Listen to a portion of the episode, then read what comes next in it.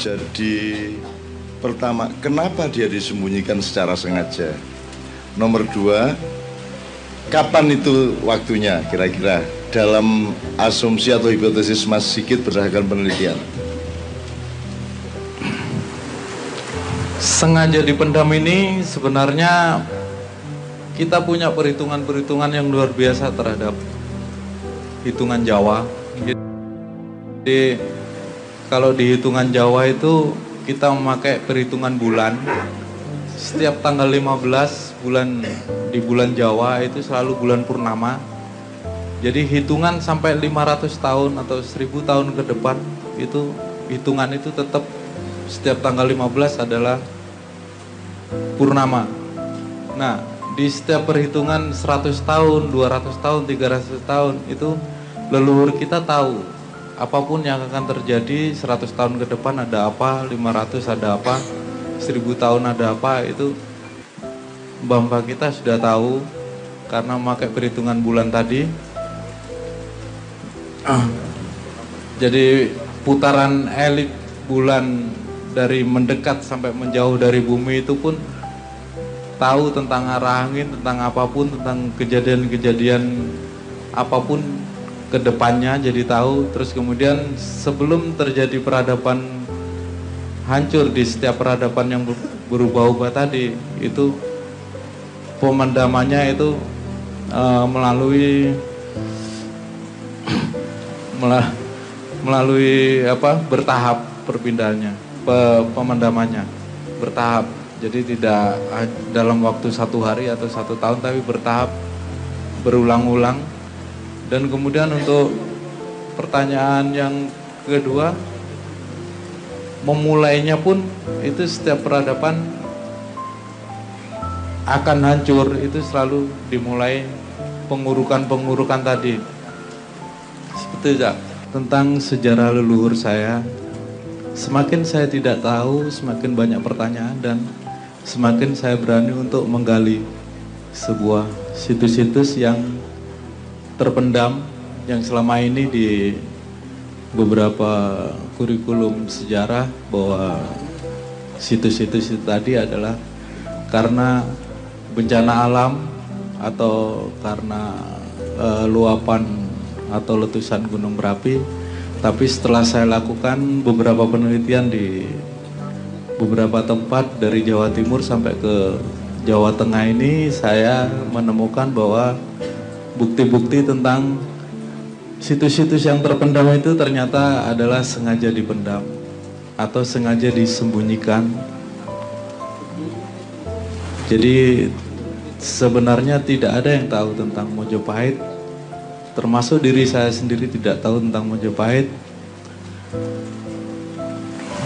Maka saya melakukan penelitian itu. Jadi saya mulai dari Sidoarjo, dari sebuah situs yang namanya Pelawangan. Pelawangan ini uh, artinya adalah pintu, pintu gerbang. Tapi kalau lawang adalah pintu, sedangkan Pelawangan itu adalah pintu gerbang dan di situ saya melakukan penelitian selama dua tahun dan terakhir saya dibantu oleh Institut Teknologi 10 November Surabaya melalui memastikan melalui memakai alat-alat seperti georadar, geolistrik dan VLF atau geomagnetik. Di situ ditemukan uh, di sekitar pintu gerbang tadi ada lokasi atau lantaian-lantaian yang menyerupai uh, lapangan gladiator jadi ada 32 hektar di situ. Jadi di kedalaman yang 5 meter 7 meter 10 meter seperti undak-undakan yang raksasa sekali. Terus kemudian saya melakukan penelitian juga di Banyuwangi di wilayah hutan Baluran sampai ke situ Bondo dan saya masuk ke Bondowoso juga di situ semuanya sengaja dipendam salah satunya misalkan Mailang itu dari bahasa Madura artinya adalah sengaja menyembunyikan diri lain dengan Maelang yang benar-benar hilang tidak berbekas dan kemudian saya temukan semua situs-situs yang terpendam tadi sampai ke Bondowoso itu mempunyai tanda-tanda yang sengaja dipendam.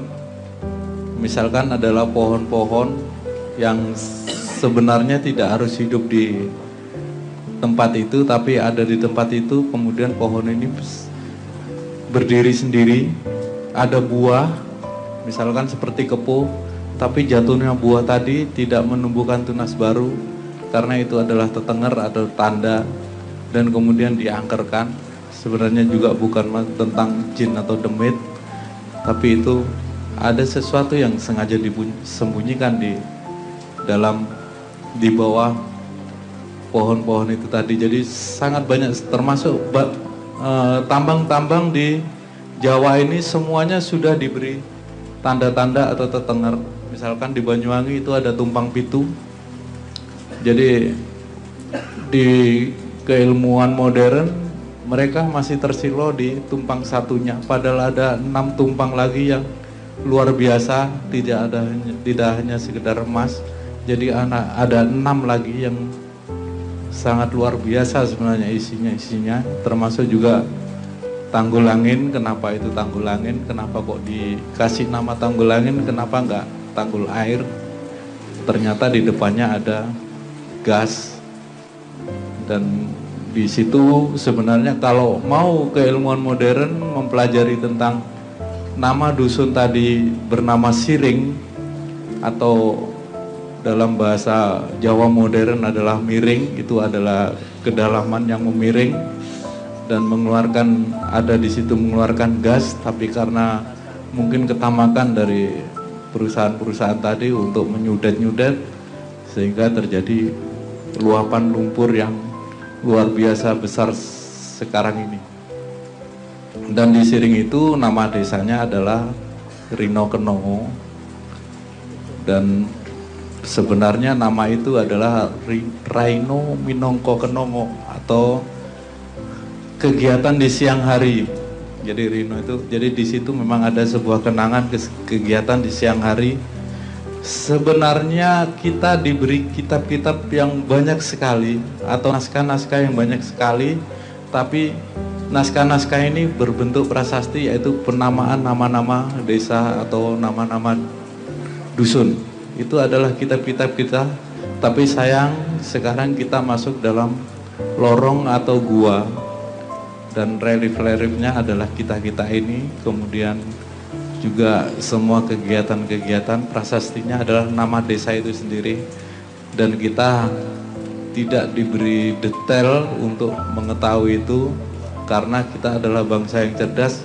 Harusnya kita tahu bahwa itu adalah prasasti dan isi-isinya yang lengkap sekali jadi kita sebenarnya tidak kehilangan apa pun tentang Jawa ini hanya orang barat aja yang tidak tahu atau tidak mengerti tentang prasasti atau relief-relief tadi. Jadi sifat-sifat dasar kita adalah relief-reliefnya. Jadi bukan pengaruh-pengaruh dari uh, apa propaganda-propaganda sehingga kita menjadi seperti sekarang ini. Dan kemudian saya melakukan penelitian juga ke Wonosobo. Di Wonosobo ini adalah gedung kesenian dari penamaannya. Saya di situ saya tertarik dengan nama desa namanya Temenggungan. Temenggungan ini sekitar 5 km dari kota Wonosobo. Kemudian di Temenggungan ini ada desa Sawangan, jadi saya sangat tertarik sekali. Kenapa kok desa ini, ya, dusun ini disebut Sawangan? Sawangan dalam bahasa Jawa artinya tempat untuk menonton. Kalau nyawang adalah melihat, tapi ini Sawangan dan kemudian di depan sawangan ada karang tengah yang ketinggiannya agak lebih rendah dari sawangan tadi dan kemudian ada semampir atau tempat berjemur atau tempat menjemur pakaian dan di sebelah kirinya ada sungai Kawung atau sungai Batik namanya. Kalau Kawung itu Batik. Dan di situ mungkin tempat untuk mencuci uh, jarit-jarit atau kalau bahasa Jawa seweknya. Itu. Dan di situ ada cerita rakyat juga mengenai selendang yang biasanya muncul di beberapa waktu atau di hari-hari tertentu. Tapi saya tidak membacanya terhadap hari-harinya, tapi melihat selendang berarti sesuai dengan penamaan Sungai Kaung tadi. Terus kebetulan di beberapa minggu belakangan saya di situ ada desa Tiban, ya Masjid Tiban. Masjid Tiban ini menurut cerita rakyat adalah uh, perpindahannya satu malam dari desa Sawangan ke ya, dusun Sawangan ke dusun Pagedangan tadi itu jaraknya sekitar 18 eh, 800 meter. Itu perpindahannya katanya semalam. Dan menurut cerita rakyat per, masjid itu berada di Masjid Tiban ini berada di Pagedangan itu 1817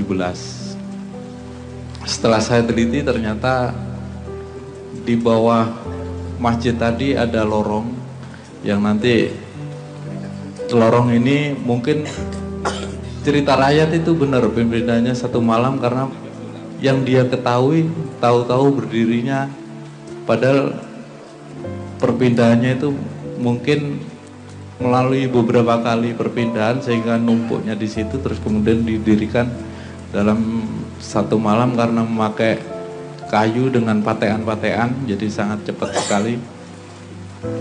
Dan itu lorong ini sekarang mungkin hari Senin besok kita akan melalui melakukan penelitian karena lorong ini kan pintunya ditutup oleh tanah urukan.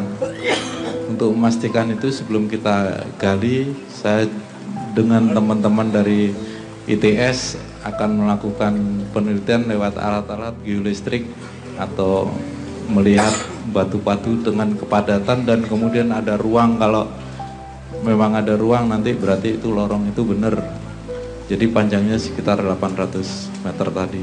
Karena di uh, masjid yang lama itu yang sekarang sudah tinggal uh, lantainya aja perpindahannya tadi yang semalam itu di sebelahnya juga ada gua yang sekarang kecil sekali manusia tidak bisa masuk tapi itu saya lihat pintunya sangat besar sekali karena juga terjadi pengurukan. Jadi dari Jawa Timur ke Jawa Tengah ini saya menemukan banyak bukti-bukti bahwa itu adalah sengaja dipendam. Dan untuk memastikan lagi saya mungkin tahun berikutnya akan ke Jawa Barat untuk memastikan lagi bahwa hipotesa saya tentang sengaja dipendam itu mungkin mendekati kebenaran. Jadi kita sebenarnya banyak sekali diberi naskah-naskah tidak harus naskah dalam buku tapi dalam nama-nama dusun tadi Terus kemudian di Wonosobo sendiri juga ada tempat atau tambang juga sangat banyak sekali tambang-tambang kuno dan mungkin masih berfungsi karena di situ uh, kita sangat diangkerkan sekali. Tidak boleh apa melakukan kegiatan apa pun di situ. Mungkin ini tambang-tambang ini ternyata mungkin masih aktif. Jadi nanti kita akan melakukan penelitian juga di situ. Di, di Kepil itu ada uh, ada makam namanya Tanggulangin juga atau Kiai Tanggulangin. Jadi ini juga merujuknya ke gas karena di situ di cerita rakyatnya itu ada sebuah lubang kecil yang ditutupi ditutupi oleh kotoran sapi. Nah, merujuknya ini ke karbon. Jadi itu gas juga. Jadi sebenarnya kita tidak kehilangan banyak harta atau apa pun karena mbah-mbah kita meninggalkan banyak-banyak uh, apa harta karun yang luar biasa sekali. Sayang sekali di keilmuan modern hal-hal seperti itu di, dianggapnya mitos Padahal itu sebenar uh, setelah saya kaji beneran itu adalah sebuah harta yang sengaja disembunyikan.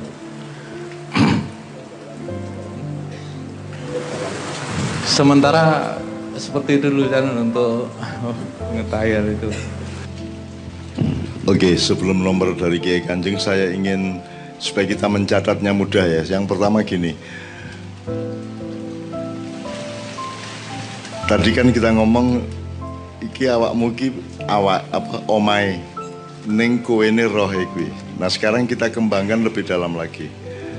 Sebenarnya pemahaman sekuler materialisme barat itu kan selalu menganggap ada dikotomi antara jasmani dengan rohani. Makanya ada kalimat mengsana incorporisano terus kita bantah mensano incorporisana. Di Ma'iyah kita satu langkah lebih maju dari itu kalau diakui. Nah kalau tidak akan ada yang mengakui maka kita harus akui sendiri asal kita mengetahui dan mengerti kebenarannya. Bahwa tidak ada dikotomi antara jasad dan roh antara jisim dan nyawa atau jiwa. Bagi saya ya iki sakarmu kok yang ada itu cuman roh. Jasad itu bagian yang paling permukaan dan paling rentan paling rendah paling tidak bermutu dari roh. Ngerti saya bahkan pernah mengatakan jasad ini hanya kulit ari dari roh yang yang agung itu. Dia akan ngelintek. Nah, yang disebut mati adalah ketika ngelintek itu sempurna. Jangkep leng ngelintek. Ya. Saya tua kan saya ngelintek, ngelintek, ngelintek, ngelintek. Nah, sesungguhnya diri kita adalah roh itu yang sebenarnya merupakan tajalli dari Allah sendiri di mana jasad yang kita kenal ini sebenarnya hanya bagian yang paling permukaan, yang paling dangkal, yang paling luar, yang paling rendah sebenarnya dari roh itu. Jadi tidak ada dikotomi jasad dan roh, yang ada adalah roh dengan bagian yang paling rendah yang namanya jasad. Kalau kita kembangkan pengertian kita di Ma'iyah selama ini, tidak ada bumi dan langit. Bukan dikotomi, yang ada adalah bumi bagian dari langit. Tidak ada makhluk dan Allah. Yang ada adalah makhluk bagian dari Allah. Dia satu. Makanya ideologi utama kita tauhid. Karena kita dibikin merasa tidak satu. Mari kita bersama-sama menyatu. Itu nyawiji kalau bahasa Jawanya. Itu tidak ada dunia dan akhirat.